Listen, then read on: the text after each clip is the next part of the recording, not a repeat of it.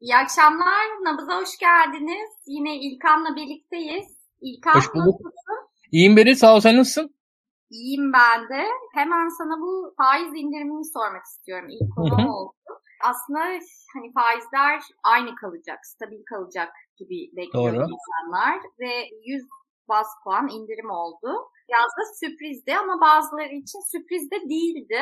Hı. Sen ne diyorsun? Senin için bir sürpriz miydi ve niye böyle bir indirim geldi? Yani şimdi Beril bir defa şöyle söyleyeyim. Ekonomi yönetiminin şu anki haliyle yani bu tahmin konusu biraz müneccimliğe de kaydı. Yani evet bir doğrultu görülebiliyor belki. En azından bir anlayış ama tam olarak anlayabildiğimiz, tam olarak ölçebildiğimiz, geleneksel, en azından bildiğimiz bir yollardan birini uygulamıyor hükümetimiz. O yüzden de tüm piyasa unsurları tahminler konusunda dehşetli bir başarısızlık içerisindeler. Son 3-4 yıldır falan neredeyse. Fakat bu başarısızlıklar zaten herkes biliyor. Mesela spekülasyonlara yol açıyor. İnsanlar insider trading meselelerinden korkuyorlar. İşte dolar aldı almadı falan. Bir gecede yükselen, inen çıkan dolar kurlarını görüyoruz. Onun dışında borsada benzer hareketler var.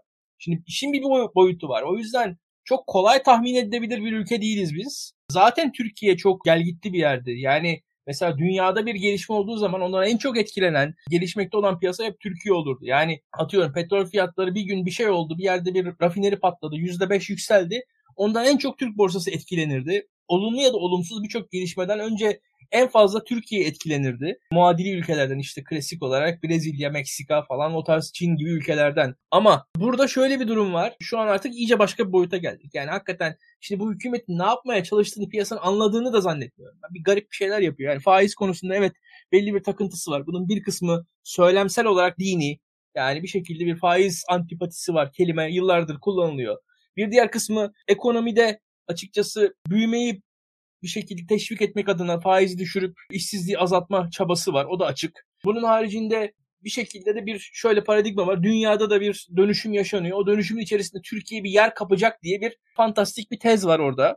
İşte atıyorum yani şu anda biz hükümetimize göre mesela şöyle söyleyeyim Beril sana. Acayip absürt bir faiz politikası uygulayarak mesela ne, ne yapıyoruz? Covid'le mücadele ediyoruz.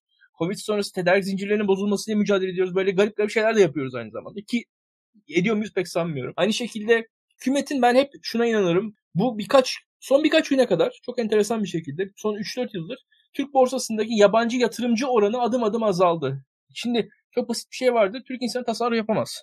Türk insanı tasarruf yapamadığı için de yatırım yapamaz. Şimdi borsaya para yatıranlar tasarruf sahipleri. Yani harcayamayacakları bir parası olan insanlar. Harcamalarının dışında kalan parası olan insanlar. Şimdi böyle insanlar çok Türkiye'de yok. yani her, herkesin bildiği gibi. O yüzden de yurt dışındaki insanlar, yabancılar, İngilizler, Amerikalıların daha fazla tasarrufu olur. E bu insanlar da gelirler, gelişmekte olan piyasalara paralarını getirirler, yatırırlar. Normalde Türkiye gibi ülkeler, zaten buraların emeklilik fonları falan gelir. Oralardaki birikim Türkiye'ye gelir. Türkiye gibi ülkelere gelir.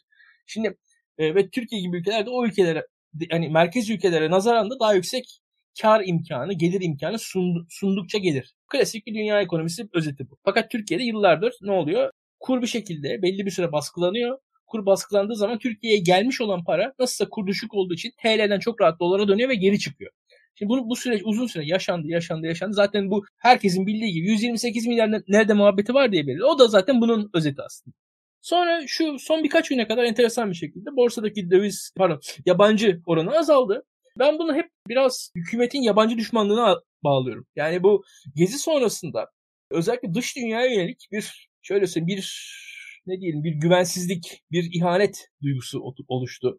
Buna bir one minute meselesini ekleyebilirsiniz. Tayyip Erdoğan'ın adına mesela şunu ekleyebilirsiniz. Mesela 2009'da mortgage krizi, 2008-2009 mortgage krizi sonrasında Ali Babacan'ın faizleri yükselterek aldığı yavaşlayalım ekonomiden, e, krizden öyle atlatalım politikasının Erdoğan'a getirdiği oy e, düşüşünü %39'a hatırlıyorsan düşmüştü 2009 yerel seçimlerinde Erdoğan'ın oyu. AK Parti'nin oyu. Bu da Erdoğan o yüzden bir kafasında şey oldu. Yani ülke bu kadar iyi, ülkeyi bu kadar iyi yönettiğini düşündüğü bir sırada %39'a yani 10 puan oyu düştü.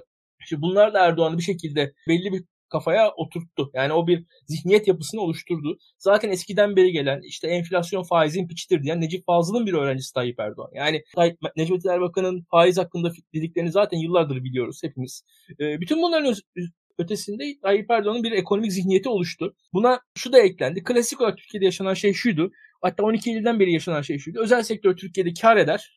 Fakat ondan sonra bu karı çok ciddi yatırımlara dönüştürmez. Bir şekilde o kar bir şekilde servet olarak büyür neredeyse. Yurt dışına gider vesaire. E, kötü yerlere işte en fazla turizme falan aktarılır. Fakat şunu gördü özellikle bu 2010'larda da dünyadaki ekonomik krize dair de ben o, o yazıları çok iyi hatırlıyorum. Berat Albayrak'ın zamanında şeyleri analizleri vardı. Berat Albayrak Sabah gazetesinde bir ara köşe yazarıydı benim. çok Berat Bey'in köşe yazıları vardı. Orada da Çin ekonomisi övülüyordu. Çok ciddi şekilde ve dünyada ekonomik olarak yavaşlama sırasında Çin ekonomisinin kamu yatırımlarıyla nasıl büyüdüğü anlatılıyordu ve Çin'in Çin o sırada çok ciddi emlak yatırımları yapıyordu. Berat Bey de bunları cidden örnek aldı. Zaten bizim anlattığımız bu işte kamu özel sektör işbirliği, yap işlet devlet modellerinin falan arkasında da o Berat Bey'in Çin övgüsü var. O Çin hayranlığının etkisi var orada. O, o model Türkiye'de uygulandı aslında. Ve belli bir süre aslında Türkiye'de o büyük kamu projeleriyle yatırımlar birazcık da hormonlu olarak sürdürüldü. Yani biz şu an ne görüyoruz? Üçüncü havalimanı görüyoruz ama üçüncü havalimanı inşaatı sırasında o inşaatın yarattığı ekonomiyi Türkiye kullandı. E bu köprülerin inşaatı o bir Türkiye'ye büyüme olarak yansıdı o Türkiye açıkçası. Türkiye'nin mesela e, sağlam bir belki de makine havuzu oluştu. Kamyonları arttı. Ama bunun sonucu ne kadar ileri biz şu an işimize yarıyor bilmiyoruz tabii. Bugüne gelirsek. Şu anda da şu gözüküyor. Neden olmuş olabilir faiz indirimi? Bir, ilk başta şunu görüyoruz. Faiz indiriminin vereceği zarar artık azalmış durumda hükümet açısından. Yani ki çünkü şöyle bir durum var. Geleneksel bir finans piyasası piyasamız artık tamamen yok olduğu için. Yani artık doktor ne yersen yedi diye o noktaya doğru gidiyoruz. Bir, bir tarafı o. Bir diğer tarafı şu. E, hükümetin korktuğu yer neresi? Korktuğu yer kur. Kur konusunda da yani dolar ve euro e, kuru konusunda da şu şöyle gözüküyor ki şu sıralarda birazcık daha hükümetin eli rahatlıyor gibi duruyor. Birincisi Rusya ile olan yakınlaşma.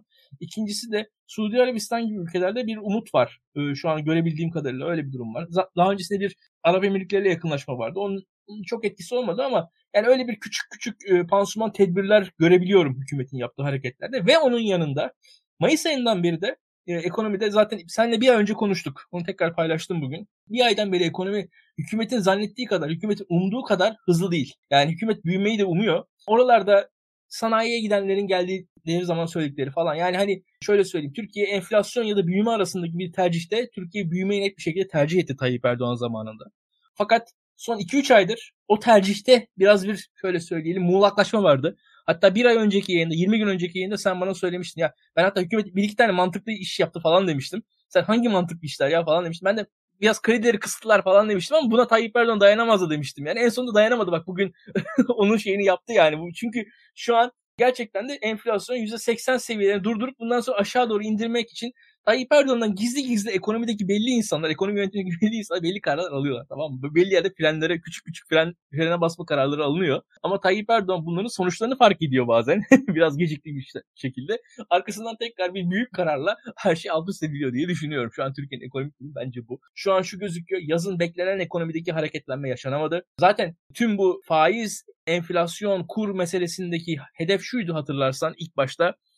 Biz cari fazla vereceğiz cari fazla verdiğimiz zaman zaten kur meselemiz kendiliğinden ortadan kalkacak. Türkiye'nin dolar ihtiyacı olmayacak. Bir Türkiye. Zaten hatırla daha önce bir de ne örnek verdim? Şey vermiştim. Borsaya örnek verdim. Borsadan yabancıları bir şekilde dışarı attılar. Çünkü borsadaki iniş çıkışlar yabancılardan bağımsız hale geldi kendilerince. Çünkü hatta ben hep söylüyordum yani bu mesela Osman Kavala hukuksuz bir ceza alıyor.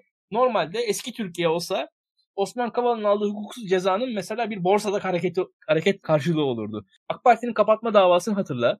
AK Parti'nin kapatma davası sırasında Avrupa Birliği komiseri Türkiye'nin Avrupa Birliği süreci biter demişti. Adalet ve Kalkınma Partisi kapatılırsa Türkiye'nin adaylık statüsü kalkar demişti. Ve o şu an o, o zaman öyle iddialar vardı ki ben çok net hatırlıyorum. Karar alma merciindeki insanların borsada paraları oldukları ve bu yüzden de o kararı vermekten korktuğunu bile söylediler açıkçası o zamanları hatırlıyorum. Yani borsanın etkisi çok enteresandır yani bu yüzden. Fakat şu anda giderek işte atıyorum elçilerle kavga ettiği zaman bir şey olmuyor yani hükümete o kadar da şey yapmıyor. Tabii ki Amerika ile makro siyaset bağlamındaki çatışmaların illaki etkisi var. Zaten Türkiye'nin ekonomik kırılganlığına da çözüm bulmuyor bu dediğim şey de bu ikisi birbirinin yanlışlayan şeyler değil bence. Bugün buraya geldik kısacası. Şu anda da Türkiye ekonomisi illa Tayyip Erdoğan tarafından sürekli gaza basılarak seçime kadar götürülecek diye düşünüyorum ben. Gaza basmaya devam edecekti Tayyip Erdoğan. Borç alabilen alsın. Açıkçası tavsiyem budur izleyicilerimize. Borçlanacaklarsa borçlansınlar. Benim gibi borçlanamayanlar sürecin kaybedenleri olacaktır. Açık net söyleyeyim. Yani bunun özellikle sabit gelirli insanlar gelirlerini kaybedecekler. Şu anda şöyle söyleyelim yani bankaların elde ettikleri karlar da o kadar insanları çok heyecanlandırmasın diye düşünüyorum şu, şu aşamada. Onların da aslında başka bir yerden ettikleri zarar var ama şu şu açık net. Bu süreçten kim ne kadar zenginse o o kadar az yer al, alarak çıkar. Hı hı. En zenginler mallarını mülklerini yurt dışına taşırlar. O en zenginlerin bir altındaki kitle ev alır, ikinci evini alır, üçüncü evini alır vesaire bir şekilde bir, bir parasını yatırıma dönüştürerek döndürür. Onun bir altındaki kitle işte borsaya girer, araba alır falan bir şekilde parasını bir şekilde yine korumaya çalışır koruyabildiği kadar.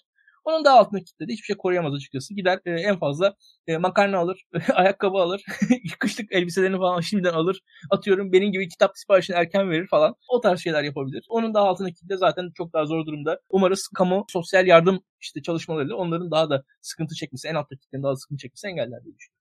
Bu faiz indirimini biraz da Türkiye'nin hani iyileşen uluslararası ilişkilerine Türkiye'ye getirebileceği paraya bağlayanlar da var. Yani bir düşünürsek hani Suudi Arabistan'la başlayan süreç Ardından işte Soçi, Soçi'den beri her şey yolunda gidiyor. İşte İsrail'le yeni bir sayfa açıldı. Bugün Erdoğan Zelenski ile birlikteydi. Önemli roller üstleniyor. Herkesle iyiye giden ilişkiler var. İşte keza NATO mevzusunda da bence hani İsveç'le, Finlandiya ile benzer süreçler göreceğiz. Erdoğan Türkiye'ye para getirmek ve hani e, bir şekilde gücünü elde tutmak için gereken tüm uluslararası bağlantıları kuruyor gibi görünüyor.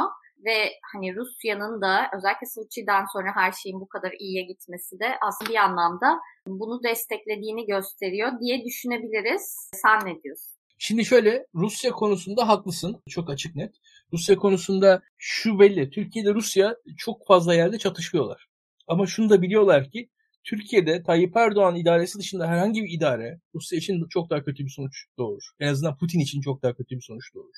Şu anda çok açık net gözüküyor ki işte Suriye'de, yani Suriye'de mesela Tayyip Erdoğan'la Burada araya gireceğim. Sence muhalefetin Rusya konusundaki tavrı nasıl diye de sormuş olayım. Çok güzel.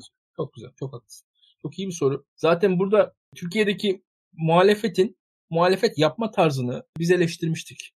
Yine bir buçuk iki ay önceki yayında mesela ben de birazcık da millete de söylemiştim. Türk milletine de. Çünkü öyle bir noktaya geldik ki paradigma olarak iktidarı ancak iktidarın daha sağından eleştirebiliyoruz. Yani iktidar daha daha sert değil diye eleştiriyoruz. Yani şu an Türkiye'de bir kanun var diyelim. Yani cezaevleri boş, işte yeterince ceza yok, işte cezalar arttırılsın, daha fazla insan hapse girsin falan diye ancak insanlar eleştirebiliyorlar. Şu an Türkiye daha, daha fazla sertlik savunmadan yani e, iktidar eleştiremiyoruz. Daha yani daha radikal olmak gerekiyor neredeyse. Meşru olan tek alan o hükümet kendisinden daha özgürlükçü alanları meşruiyetinde yok etti açıkçası. Bu iş böyle FETÖ, PKK, şu bu falan filan derken herhangi bir alternatif söylemin meşruiyeti yok oldu. Zaten bakalım mesela Mavi Vatan konusunda. Ya Mavi Vatan saçmalıktır dediğiniz zaman sıkıntı çekiyorsunuz açıkçası. Olay bu. Yani çok basit bir şey. E, onun sonucunda da muhalefet Türkiye'de ancak ve ancak hükümetten daha radikal, hükümetten daha sert, hükümetten daha açıkçası fazla sert, saldırgan bir politika ancak savunabiliyor.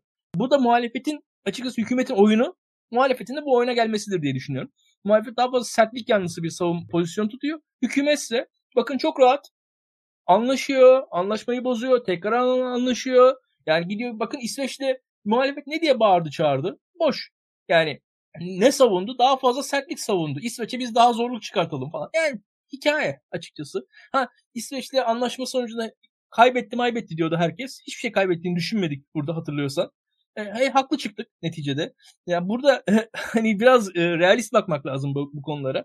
Bugün Suriye konusunda açık konuşayım. Suriye konusunda öyle bir noktaya geldik ki yani İyi Parti'nin pozisyonundan daha yumuşak bir pozisyonu e, Adalet ve Kalkınma Partisi savunur hale geldi. Yani e, absürt bir nokta bu. Yani biz Esad'ı devireceğiz ondan sonra Suriye'ye Suriyelileri yollayacağız. Şimdi bu çok rasyonel pozisyon değil. Ya bunu isteyebilirsiniz de olmaz yani. Yapabileceğimiz bir şey yok. Şu an Adalet ve Kalkınma Partisi ve daha yumuşak bir noktada. E buraya geldiğimiz zaman Şimdi şöyle söyleyeyim. Ukrayna meselesi var diyelim. Ben açık net söyleyeyim. Ben Rusya'ya, Rusya'nın savunduğu değerlere, Putin'e, Putin'in yönetim tarzına baştan aşağı, aşağıdan yukarı tamamen karşıyım. Ancak şu da açık net. Türkiye'de biz ne yaparsak yapalım. Türkiye'de biz istersek Türkiye'yi işte 50 bin dolarlık, 100 bin dolarlık bir zengin ülke haline getirelim. Türkiye'den 25 tane Nobel alalım. Ee, şunu biliyoruz ki Türkiye'nin bir komşusu Rusya olarak kalacak. Yani bu objektiflikte, bu gerçekçilikte bakmak lazım. Yani Rusya biz nefret edebiliriz Rusya'dan. Ama Rusya biz nefret etsek de komşumuz olacak. Onu onu bilerek hareket etmek gerekir diye düşünüyorum. Tabii ki Türkiye Batı sistematiğinin içinde kalması, Türkiye'nin Batı sistematiğinin içinde kalması sıradan Türk vatandaşlarının çıkarınadır. Sıradan Türk vatandaşlarının çıkarı olan budur. Bence budur. Bu şu demek değil.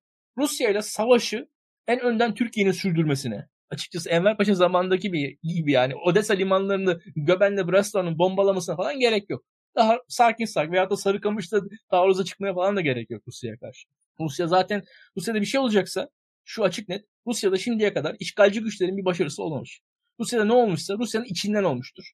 İşte Ekim devrimi de böyledir. 91'de Sovyetlerin çöküşü de böyledir. Rusya'daki yarın dönüş, dönüşüm, deniş, değişim olacaksa, Rusya'yı bugün olduğundan daha başka bir Rusya olacaksa, tüm Rusya karşıtı arkadaşların istediği gibi, belki benim de istediğim gibi, Rusya'nın dışından değil, Rusya'nın içinden olacak bu. Onu da söyleyebilirim. Burada biraz daha gerçekçi olmak lazım diye düşünüyorum. Bu gerçekçilik dışındaki bakışın Rusya taraftarı asla olunmasını yanlış bulurum açıkçası. O başka bir şey. Yani o Avrasya düşüncenin dışındayım.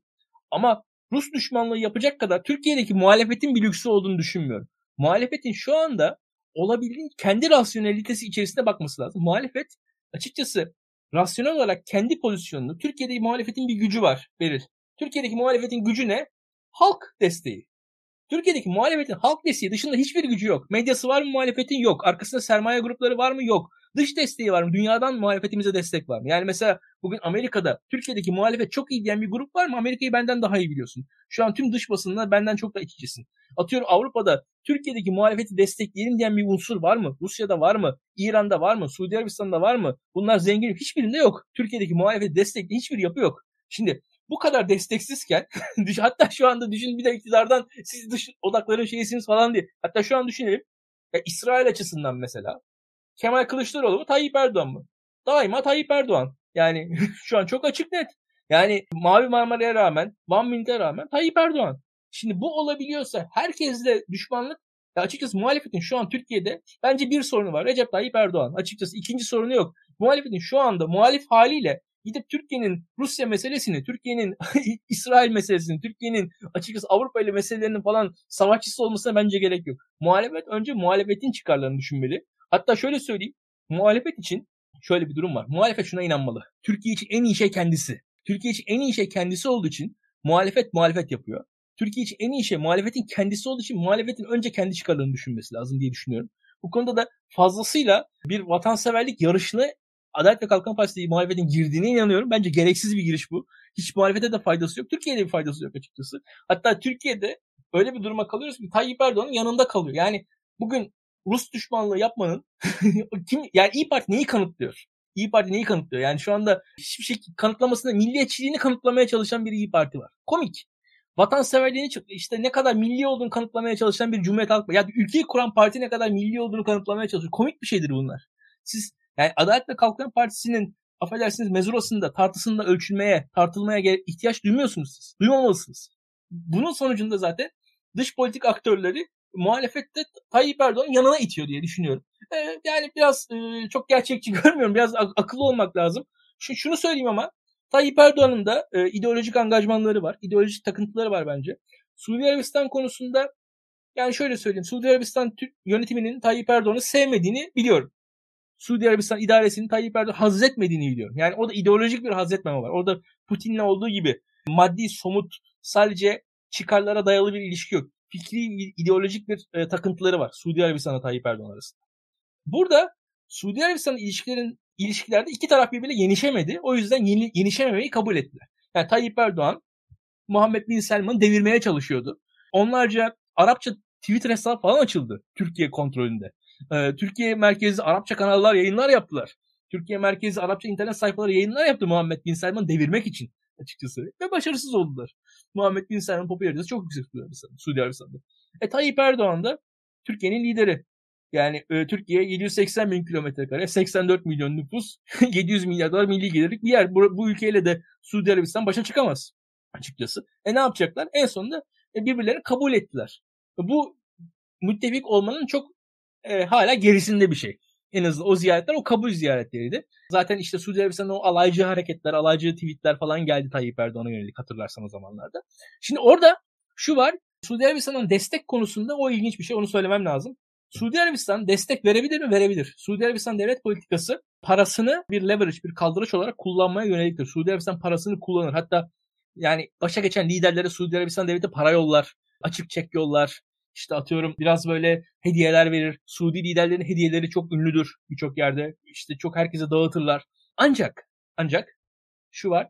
Suudi Arabistan Tayyip Erdoğan'a bence güvenmiyor. E, bunun neticesinde de şu var. Bir ciddi destek için yani bu işte milyar dolarlar seviyesinde onlar bunlar için yani hakikaten kayda değer bir destek için. Mesela işte atıyorum Katar'daki Türk ordusunun geri çekilmesi Somali'deki Türk askeri varlığının azaltılması gibi nispeten daha somut şeyler talep ederler. Ha böyle bir şey Tayyip Erdoğan yapar mı? Hmm, ya bu aslında siyaseten bir geri dönüş anlamına gelir. Tayyip Erdoğan bunun pazarlığını yapar, sonra da reddeder gibi geliyor. Bu pazarlığın yarattığı ortam ülkeyi yumuşatır belli bir süre ama somut değişiklikler en sonunda genel başladığımız noktaya döneriz diye düşünüyorum kısacası. Ee, Putin'le Putin'le de şöyle e, Putin'le olan ilişki daha somut bir ilişki. Putin'den belli bir destek olacaktır. İlla olacaktır. O açık net. O, o, o desteğin karşılığında da e, sürekli pazarlık devam edecektir. Bugün zaten Tayyip Erdoğan Zelenski ile görüştü zaten. Çok daha iyi biliyorsun benden. E, Ukrayna'da Türkiye'nin desteğinin belli bir seviyenin ötesine geçmemesi ki şu an Türkiye biliyorsun ki yine Rusya ile ticaret, Rusya ile Avrupa'nın legal illegal ticareti şu an Türkiye'den dönmeye başladı zaten. Yani birçok e, Avrupa ülkesi bile Türkiye'yi kullanıyor şu an Rusya ticareti konusunda. E, bunu bunun haricinde Ruslar Türkiye'yi kullanıyorlar. E, Rus işte o Mir miydi neydi o sistem falan Türkiye'de geçerli. E, para çekebiliyorlar Rus e, vatandaşları Türkiye'de bankalardan. O yüzden Türkiye Rusya'da için çok önemli bir ülke. E, burada şu var e, Rusya'dan belli bir destek illa gelecektir. Bunun karşında Suriye'de belli bir kazanımlar e, elde edilebilir. Suriye'de belli belli şeyler verebilir, alabilir Türkiye, Rusya ile bir anlaş, anlayış olabilir ama onun bile sınırları olur diye düşünüyorum. Ha, burada e, Esad'la Tayyip Erdoğan'ın e, diyalog kurmasını biliyoruz ki Putin önermiş. Öneriyor zaten sürekli. Esad'la konuşun diyor. Evet, ee, telefon telefon açmasını istemiş. Hı hı. Şimdi burada şöyle bir durumla karşı karşıyayız. Gerçekten de işte bu Doğu Perinçek'in ziyareti falan orada yani biliyorsun Şam'a ziyaret edecekler işte bu e, şeyle Ethem Sancak'la falan beraber galiba. Yani ona e, hatta gazetecileri falan bile çağırmaya başladılar. Onu sana söyleyeyim yani. Hani böyle bir yanlarında bayağı bir ekip Türkiye'den gidecek. E, bizim tanıdığımız gazeteciler de gidecek hatta. Onu da söyleyeyim. E, ilginç şeyler olacak. Ya e, orada demek ki bir şeyler olacak. Ne kadar olur onu bilmiyorum. Yani orada yani Esad'la anlaştılar diyemem ama Suudilerle olduğundan daha somut bir şey ben Suriye'de bekliyorum açıkçası. Ya olabilir yani orada en azından bir grup cihatçıyı verebilir Suriye'ye. Bir grup e, hani atıyorum İdlib'in bir kıyısı, işte bir mahallesi, bir küçük ilçe falan orada e, geri çekilinebilir diye düşünüyorum. Yani çünkü Türkiye'nin desteği olmadan o cihatçı tayfanın da çok da orada egemen olarak kalabileceğine inanmıyorum açıkçası. E, bu söylediğin enteresan hani bu ziyarete gazetecilerin de gideceği belli oldu. Hani hı hı. tanıdığımız gazeteciler var diye.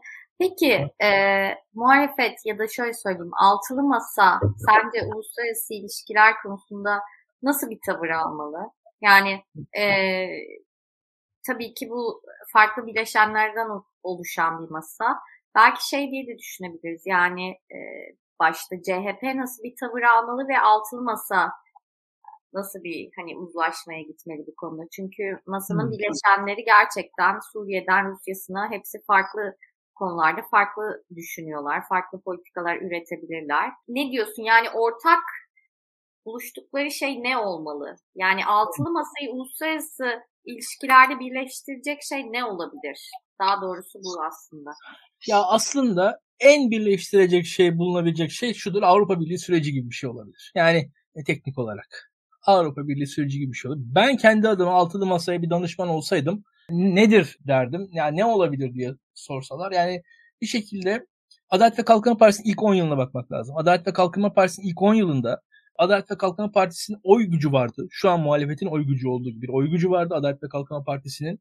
Burada o oy gücünün karşılığında Adalet ve Kalkınma Partisi ama yanında devlet içerisinde bu kadar güçlü değildi. Uluslararası ilişkilerde bu kadar güçlü değildi. Ne yapıyordu? E, bir şekilde şunu yapıyordu. Bir şekilde komşularla sıfır sorun diyordu. Avrupa Birliği diyordu. Adalet ve Kalkınma Partililer bundan 20 sene önce çok mu barışçı insanlardı? Zannetmiyorum. Zannetmiyorum ama komşularla sıfır sorun yaşayan bir Türkiye'yi tercih ediyorlardı. Çünkü onların çıkarını olan şey oydu. Yani Adalet ve Kalkınma Partiler bakıyordu. Çatışan bir Türkiye mi yoksa komşularla sıfır sorun yaşayan bir Türkiye mi bizim lehimize? Adalet ve Kalkınma Partiler dün en azından baktıkları zaman ya komşularla sıfır sorun yaşayan bir Türkiye benim lehime diyordu. Ve onun öyle bir Türkiye'nin en ideal haline getiriyordu.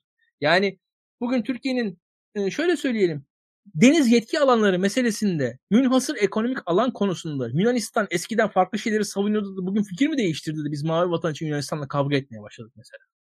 Yunanistan'ın deniz yetki alanları, münhasır ekonomik alanlar konusundaki fikirleri değişti mi son 20 yılda? Hiçbir şey değişmedi.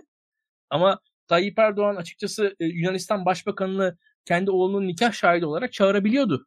O zamanlarda da Yunanistan aynı münhasır ekonomik alanları savunuyordu. Yunanistan'ın farklı bir deniz yetki alanı savun, savunusu yoktu. Hiçbir şey değişmedi. Ama o zamanki Tayyip Erdoğan için, o zamanki Adalet ve Kalkınma Partisi'nin çıkarlarına uygun olan politika oydu onu uyguladılar. Bunda ayıp bir şey yok, günah bir şey yok. Ben anlamıyorum zaten Türkiye'deki muhalefeti. Bu yüzden anlamıyorum. Ya şu anda herkesle çatışalım. Biz daha da fazla çatış. Adalet ve Kalkınma Partisi iktidarı bitecek, biz geleceğiz. Ne yapacağız? Daha fazla çatışacağız. Şimdi şöyle bir durum var. Gerekirse çatışılır da bakın ben barış güvercin değilim. Onu da söyleyeyim. Fakat şu an şu anki iktidarın devlet içerisinde dahi yani şu anki iktidardan sonra gelecek iktidarın bürokrasi, bürokratik iktidarını kurabilmesi, en azından bürokrasiye tam hakim olabilmesi bile birkaç yıl alır. Yani şu an Türkiye'de sizin muhalefete oy veren kaç tane emniyet müdürünüz olduğunu hayal düşünün mesela şu an Türkiye'de. 81 emniyet müdürü var. Arasında bir tane muhalefete oy veren var mıdır?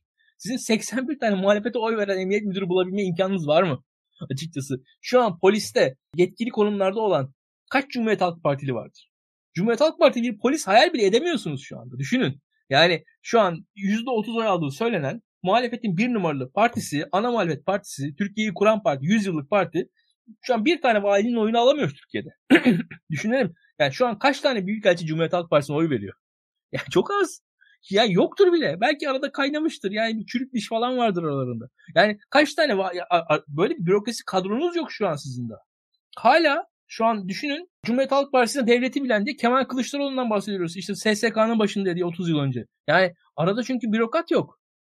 Muhalif bürokrat yok. Eskiden bakın Adalet ve Kalkınma Partisi iktidarın ilk yıllarında çok sayıda emekli büyükelçi, emekli vali falan Cumhuriyet Halk Partisi'ne siyaset yapardı. O zamanki muhalif MHP'de siyaset yapardı. Şu an bunlar bile yok. Farkında değiliz biz. Yani dönüşümü, değişimi görmek gerekir diye düşünüyorum. Ee, biz burada açıkçası biraz şeyiz, gerçekçi değiliz. Muhalefetin belli iddialı politikalar uygulayabilmesi için önce sağlam e, ve kapsayıcı bir iktidarı kurabilmesi lazım diye düşünüyorum. Bunlar olmadan açıkçası zor. Yani e, birazcık şu var Yunanistan'la yarın çatışacaksa muhalefet şöyle söyleyeyim yani hani biraz Sun Tzu falan savaş sanatı herkes bu strateji falan severler ya. ya çatışmayı ve çatışmanın olacağı zamanı ve yeri seçen insan çatışmayı kazanır. Çatışmanın olacağı zamanı ve yeri muhalefet yanlış seçiyor. Şu an Yunanistan'la çatışılacaksa onun doğru zamanlı Yunanistan'ı en sevmeyen en milliyetçi adamlar kendilerinin Yunanistan'la çatışacakları zamanı doğru seçmeli. Şu an bence onlar için yanlış zaman. Ve atıyorum Rus düşmanı belli dostlarımız var. Bunlar Türkiye'de siyaset yapıyor. Tamam çok güzel. Ama Rusya ile yarın çatışacakları zamanı kendileri seçmeliler. Sürekli kontrolsüz bir şekilde her zaman her yerde her an çatışıyoruz. Böyle bir dünya yok zaten. Doğru bir anda doğru şekilde çatışın kazanın. hani bu şey gibi kendinizi bu siyaset oyununda teste çıkartmayın. Bu sınavlara girmenize gerek yok. Zaten pozisyonunuz belli. Yani bugün yani açıkçası Türkiye'de kimin ne olduğunu herkes az çok biliyor. Ee, birazcık daha gerçekçi olmaları gerekir diye düşünüyorum. Peki ben konuyu aslında bir yandan bu İmamoğlu'na da getirmek istiyorum. Adettendir bir İmamoğlu evet. adaylığı konuşalım bu programda da. Şimdi bu hafta tabii İmamoğlu'nun yine bir çıkışı oldu aslında. Balıklı Rum Hastanesi Vakıf Başkanı Yuvanidis'e işte bir telefonda bir serzenişte bulundu. Ama bu serzenişten biraz daha öte hani kayıt altına alınmış, biraz da hani içinde bazı mesajlar taşıyan bir görüşmeydi. Ee, bunun üzerine işte tabii tartışmanın bir boyutu işte e, azınlıklara tavrı üzerine oldu. Diğer boyutu işte zaten azınlık camiasının kendi içinde bu konuda tartışmalar var. İmamoğlu'nun yaptığı yanlış değil, yanlış eleştirmek yanlış değildir, yanlış yüzüne söylenmedi gibi işte cemaat içinden ona sahip çıkanlar oldu. Gayrimüslim cemaati içinden. Ama bir yandan da İmamoğlu'nun süre gelen bir e, şeyi var. Yani böyle bir çıkış. İşte bana bir haksızlık yapılıyor. İşte siz de haddinizi bileceksiniz. Sizin gücünüz buna yetmez vesaire gibi biraz böyle neredeyse Cumhurbaşkanı Erdoğan'ı hatırlatan çünkü bu kıyas çok yapılıyor. Böyle çıkışları oluyor. Bu bazı kesimlerde çok ciddi antipati yaratırken bazı kesimlerde aslında hani bu böyle olmalı. Bunda ne var? Bunda büyütecek bir şey yok gibi karşılanıyor. Ben şeyi merak ediyorum. Sen e, İmamoğlu'nun bu çıkışlarını nasıl değerlendiriyorsun? Kitlesinde bulduğu karşılığı nasıl değerlendiriyorsun? Ve İmamoğlu'nun bu çıkışları İmamoğlu'nun ismini taze ve gündemde tutma çabasıyla mı ilgili? Bir, böyle bir mesajı mı var? Hani adaylık mesajı mı var? Ben buradayım mesajı mı var? Yoksa İmamoğlu sadece bu şekilde mi politika yapıyor? Ne, nasıl değerlendiriyor? Tamam. Şimdi 5-6 kapsamı var şimdi sorunun. Hepsine cevap vereceğim. Bunların hepsini söyleyeceğim. Şimdi birkaç şey. E, birincisi şöyle bakalım. Mesela Ekrem İmamoğlu faşizm susmak, susma zorunluluğu değil konuşma zorunluluğudur diyebilirdi. Mesela Balık Rum Hastanesi'nin vakfının başındaki arkadaşa. Ve bu zamanda mesela birçok solcu arkadaşımız çok daha fazla İmamoğlu'nun sözlerini severdi. Esasında filan aynı şeyi söylemiş olurdu. Bu tabii üslup meselesi birazcık da. Yani orada bir e, belli ki e, bir grup solcuyla İmamoğlu'nun üslubu arasında tam bir e, tam, tam bir uyum yok, senkron yok. Olması gerekir mi? Yani şart değil ama olabilir yani yakalayabilir İmamoğlu o arkadaşları da. Yani sonuçta seçmenleri diye düşünüyorum. Bir tarafı o. Bir diğeri bu işin böyle sunulması ne kadar doğru? Şöyle söyleyeyim. Biz daktilo olarak beri sürekli linç ediliyoruz. Şimdi baktığınız zaman linç ediliyoruz. Çok da heyecanla linç ediliyoruz. Şimdi benim aklıma geçen gün verilen bir örnek geldi. Mesela Mısır'da... Ama daktilo olarak seçilmiş ve seçmenlerimize hesap vererek görev yapan bir kurumda değil yani konumda değiliz yani. Doğru, doğru. Yayın yapıyoruz sonuçta. Doğru doğru doğru. Ama bir yandan da şu medya medya iddiamız bile yok burada. Hani tabii tabii. Ama bir şekilde kendimizi sunuyoruz. Doğru, doğru. Bir şekilde kendimizi sunuyoruz. Anlatacağım, bir şeyler anlatacağım şimdi. Psikoloji enteresan bir şey. Hatta e, bu bu tarz grupların hareketleri de enteresan bir şey. Ben ben izliyorum. Bir örnek çok ilgimi çekiyor benim. Mısır'da Müslüman kardeşler şu an zulme altında. Müslüman kardeşler çok ciddi baskı görüyorlar. işkence görüyorlar. Hapisteler, sürgündeler. Mallarına mülklerine el konuyor. Hastanelerine giriliyor. Çok ağır baskı altında. Yani şu an silindiler Mısır. Ülkelerine geri dönemiyorlar. Aynen öyle. Şu an ama aynı Müslüman kardeşler Mısır'daki ateistleri sürekli ifşalıyorlar. Sürekli linç ettiriyorlar. Mısır'daki Müslüman kardeşler işte ateistlerin kitaplarındaki dine karşı olan sözleri buluyorlar. Şu kitapta şu dine şurada şurada dini hakaret var diye yazarları linç ettiriyorlar. Şimdi o bir iktidar duygusudur. Hı hı. O Müslüman kardeşler ezilirken, paramparça olurken öyle ya da böyle birilerini hala linç ettirebiliyorlar ve e, ettirebiliyorlar. Şu an Mısır'ın binde ikilik ateist kesimine karşı Müslüman kardeşler elindeki sopayı vurdukça vuruyor. Hiç de umurunda değil. Ha, şimdi işin bu tarafı var. Orada o, o güç hissinin verdiği hakikaten bir ha- hayatta kalma duygusu var. Yaptıkları iğrenç bir şey. Onu da söyleyeyim. Ee, devam edeyim. Şurada e, Türkiye'de de mesela bizi linç eden kesimlerin hepsi muhalif. E, burada da şöyle bir durum var. Linç ediyorlar. Bir bedeli yok. Ve bir iktidar duygusu e, kazanıyorlar. O, o açıdan da gayet faydalı onlar için. Yani linç etmelerinin bir onlara zararı yok ki. Bize vurmanın bir bedeli yok. Bize vurun hiçbir bedeli. Bize mesela mülteci meselesinde herkes vuruyor. Çok güzel. Ben mesela hep söylüyorum ya Türkiye'de mültecileri, Türkiye'de affedersiniz liberal sol e, aydınlar, Nevşin Mengüler falan almadılar. Türk Silahlı Kuvvetleri'ne soracaksınız. Mültecileri sınırdan geçirenler Doçevelle muhabirleri değillerdi. Gideceksiniz Türk Silahlı Kuvvetleri'ne soracaksınız. Suriye Milli Ordusu işbirliği yapanlar hangileri? Türk ordusu. Türkiye'de bu, bu kadar mülteciden rahatsız sonra gidecek. Ama orduya karşı konuşmak kolay değil. Ümit Özdağ İçişleri Bakanı'nın önüne gidemedi. Gidemedi. Süleyman Soylu o sözleri söyledikten sonra gidemedin. Yani ne kadar dalga geçildi işte gördüğünüz Süleyman Soylu'yu ya kapının önünde hayvanları koruma biriminden polisler durdu Ümit Özdağ'ın karşısında. Öyle aşağılandı. Ne oldu? Ama tabii bedeli olmayanlara karşı saldırmak kolay. Bu kadar basit. Yani bir işin bir o tarafı var yani hani. Onu söylemem gerekiyor. İmamoğlu açısından da şu. Türkiye'de muhalefete saldırmanın, muhalefet vurmanın da bir bedeli yok. Açıkçası. Bir bedeli yok. İmamoğlu vurmanın bir bedeli yok. Cumhuriyet Halk Partisi'nin vurmanın bir bedeli yok. Herkes Kılıçdaroğlu mizahı yapıyor. Çünkü bedeli yok. Hiçbir bedeli yok. Herkes çok cesur. Herkes çok mizah, zaten, mizah. Zaten arzu edilen bu değil mi? Bir bedeli olmalı. belki de odur bilmiyorum. Ama şu cevap yani veren yok. Erdoğan'a e, itiraz etmenin, onu eleştirmenin Hı. bir bedeli var ve bunlar rahatsız değil miyiz? Yani bir bedeli Doğru. olmaması Doğru. gerekiyor zaten. Doğru olmaması gerekiyor. Kamuya mal olmuş insanlara hesap sormanın bir bedeli olmaması gerekiyor zaten. E tamam olmasın. Onlar da cevap ver. Ama şöyle bir durum var. Burada bu aşırı dengesizlik içerisinde yaşıyoruz biz. Onu söylüyorum yani bu bir bedeli yok. Şimdi ben daktiloya evet, saldıran şu var. Şimdi şöyle söyleyeyim benim. Bence, daktiloya evet. saldıran 3 kişiyi biz mahkemeye versek ve hakikaten ceza aldırsak hiç o kadar ceza gelmez. Devam edeyim. Herkese foncu diyorlar tamam mı? Şunu da söyleyeyim bak da. Türkiye'de Hı. bu kadar foncu denmesinin sebebi fonların matah bir para olmaması, foncu foncu kayda değer bir fonun olmaması. Hakikaten de milyar dolarlar falan fon gelse hiç kimse o kadar foncu demez. Fon çok daha güçlü. olmaması diyorsun. Evet. Ee, yani buna katılıyorum. Evet. E, ama yani evet dengesizlik var ama şu var. Şunu kaçırıyorsun. Şimdi bu ülkede insanlar öfkeli. Bu dengesizliğin sebebini anlatıyorum. Ee, ve öfkelerini belli sebep olan insanlardan çıkaramıyorlar. Dolayısıyla Doğru. başka alanlara yöneltiyorlar. Yani kadınlarda da bunu görüyoruz. Çok haklısın. Hayvanlarda da bunu görüyoruz. Doğa katliamında da, orman yakanda da vesaire bunu görüyoruz. Doktora şiddette de bunu görüyoruz. Ee, yani gücünün elinin değebildiğine öfkesini yansıtıyor. Çünkü patlamak üzere ve patlayabildiğine patlıyor. Yani bu dengesizliğin e, boyutunu arttıran bir sebep de bu. İmamoğlu da e, aslında o anlamda hani Twitter'da kolay hedef alınabilen ve İmamoğlu bundan rahatsız yani çok belli. E, ve her yani bu yüzden tonunu arttırıyor olabilir. Doğru, başkan da Karadeniz'de. birileri patlamaya ihtiyaç duyuyor ve bunu görmek ve buna göre aslında tavır almak lazım. Yani hani e, durumu daha da alevlendirecek şeyler yap, yapıp yapmamak. Ben şey demiyorum yani insanlar sana patlıyor sorumluluk sende demiyorum ama e, bazen de durumu alevlendirip alevlendirmemek insanların elinde olabiliyor. Onu söylemek istiyorum.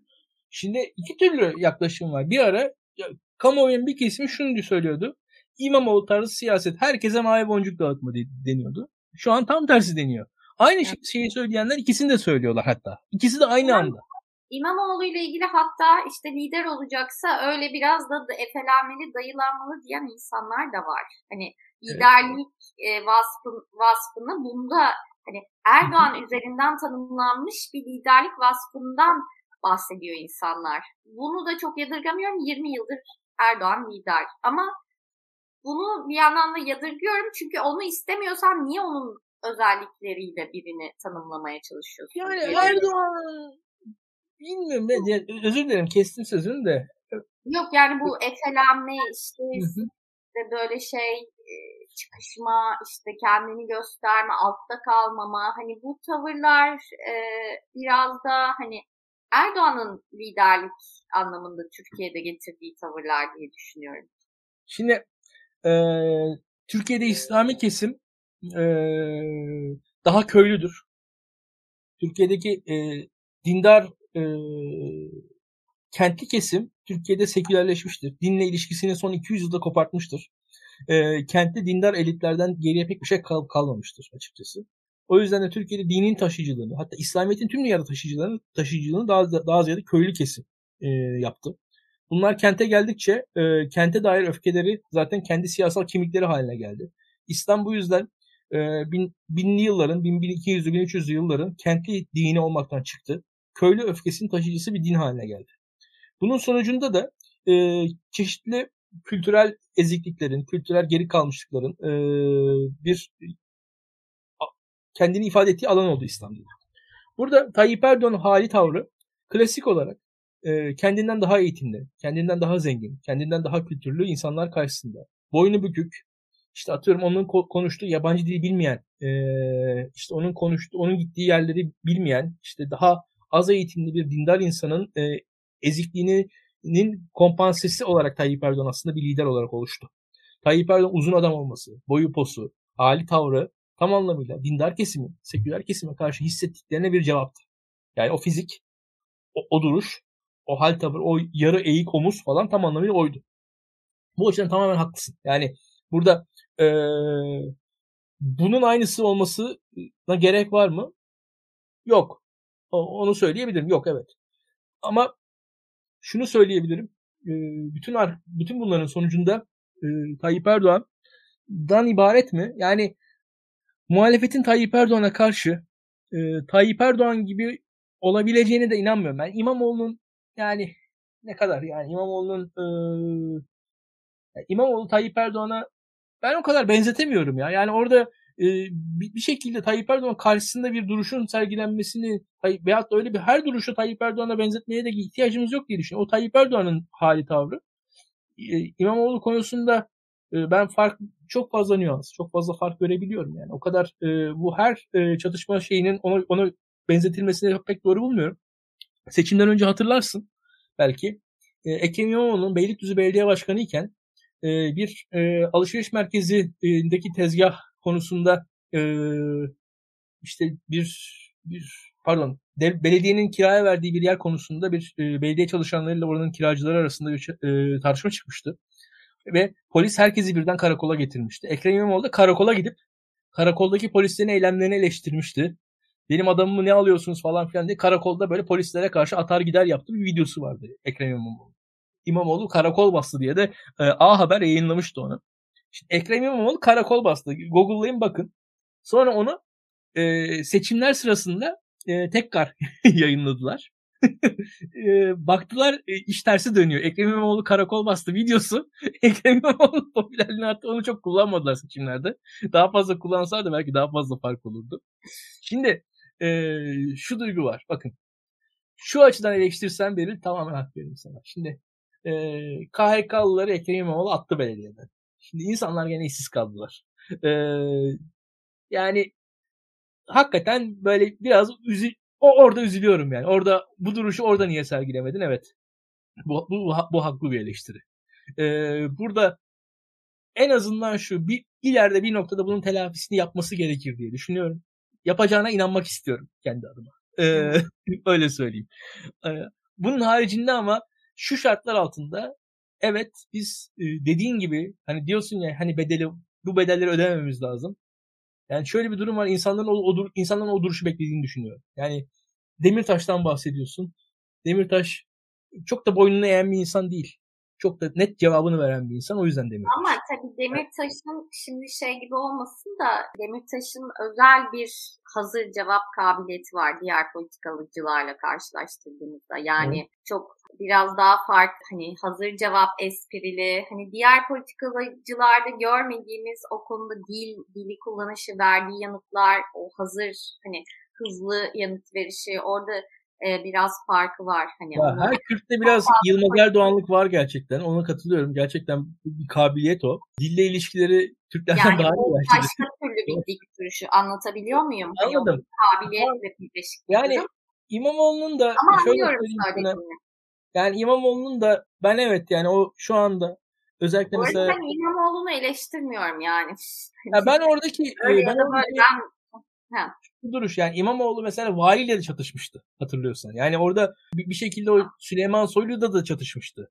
Ee, işte Tarım Bakanı'yla da polemiğe girmişti. Yani öyle herhangi bir kişiden polemikten kaçan birisi değil Ekrem İmamoğlu. Yani orada Diyanet İşleri Başkanı eleştirdiği şey oldu. Yani o konuda o kadar da hani safe zone'da korunaklı alanda kalıp azınlıklara vuralım falan öyle bir tarafı olduğunu görmüyorum ben. Hı hı. Ee, orada da azınlıklar meselesinde de yani İmamoğlu'nun tavrına dikkat etmek lazım. Yani bir ölçü tutturulmalı. O ölçüyü umarım tutturur. Ha burada Ekrem İmamoğlu ben Tayyip Erdoğan'ı tam benzetmiyorum. Orada bir şekilde seçmenlerinin şuna da inanması lazım. Orada mesele şu biraz belir. Necmettin Erbakan, Recep Tayyip Erdoğan seküler kesimden, layık kesimden, anti İslami kesimden hatta öyle öyle tarif edeyim bir yazarla be- beraber olduğu zaman kendi kesiminden bir eleştiriyle asla karşılaşmazdı. Bir de bu tarafı var o iş. Çok daha az eleştirilirdi. Çünkü o kesim kendisini bir şekilde ben mağdurum. Benim şu an kendi dertlerim var. Bu dertlerimin temsilcisi var. Benim dertlerimin temsilcisi benim dertlerim adına yapması gerekeni yapıyor diye bakardı. Oradaki nüansları çok da görmezdi. Bugünse seküler kesim aslında kendisi mağdur mu mağdur, kendisinin bir temsilcisi var mı? Olması gerekiyor. Hala var gibi hissetmiyorlar. Yani şu an Cumhuriyet Halk Partisi esasında onların temsilcisi. Ama tam hissettiremiyor bence.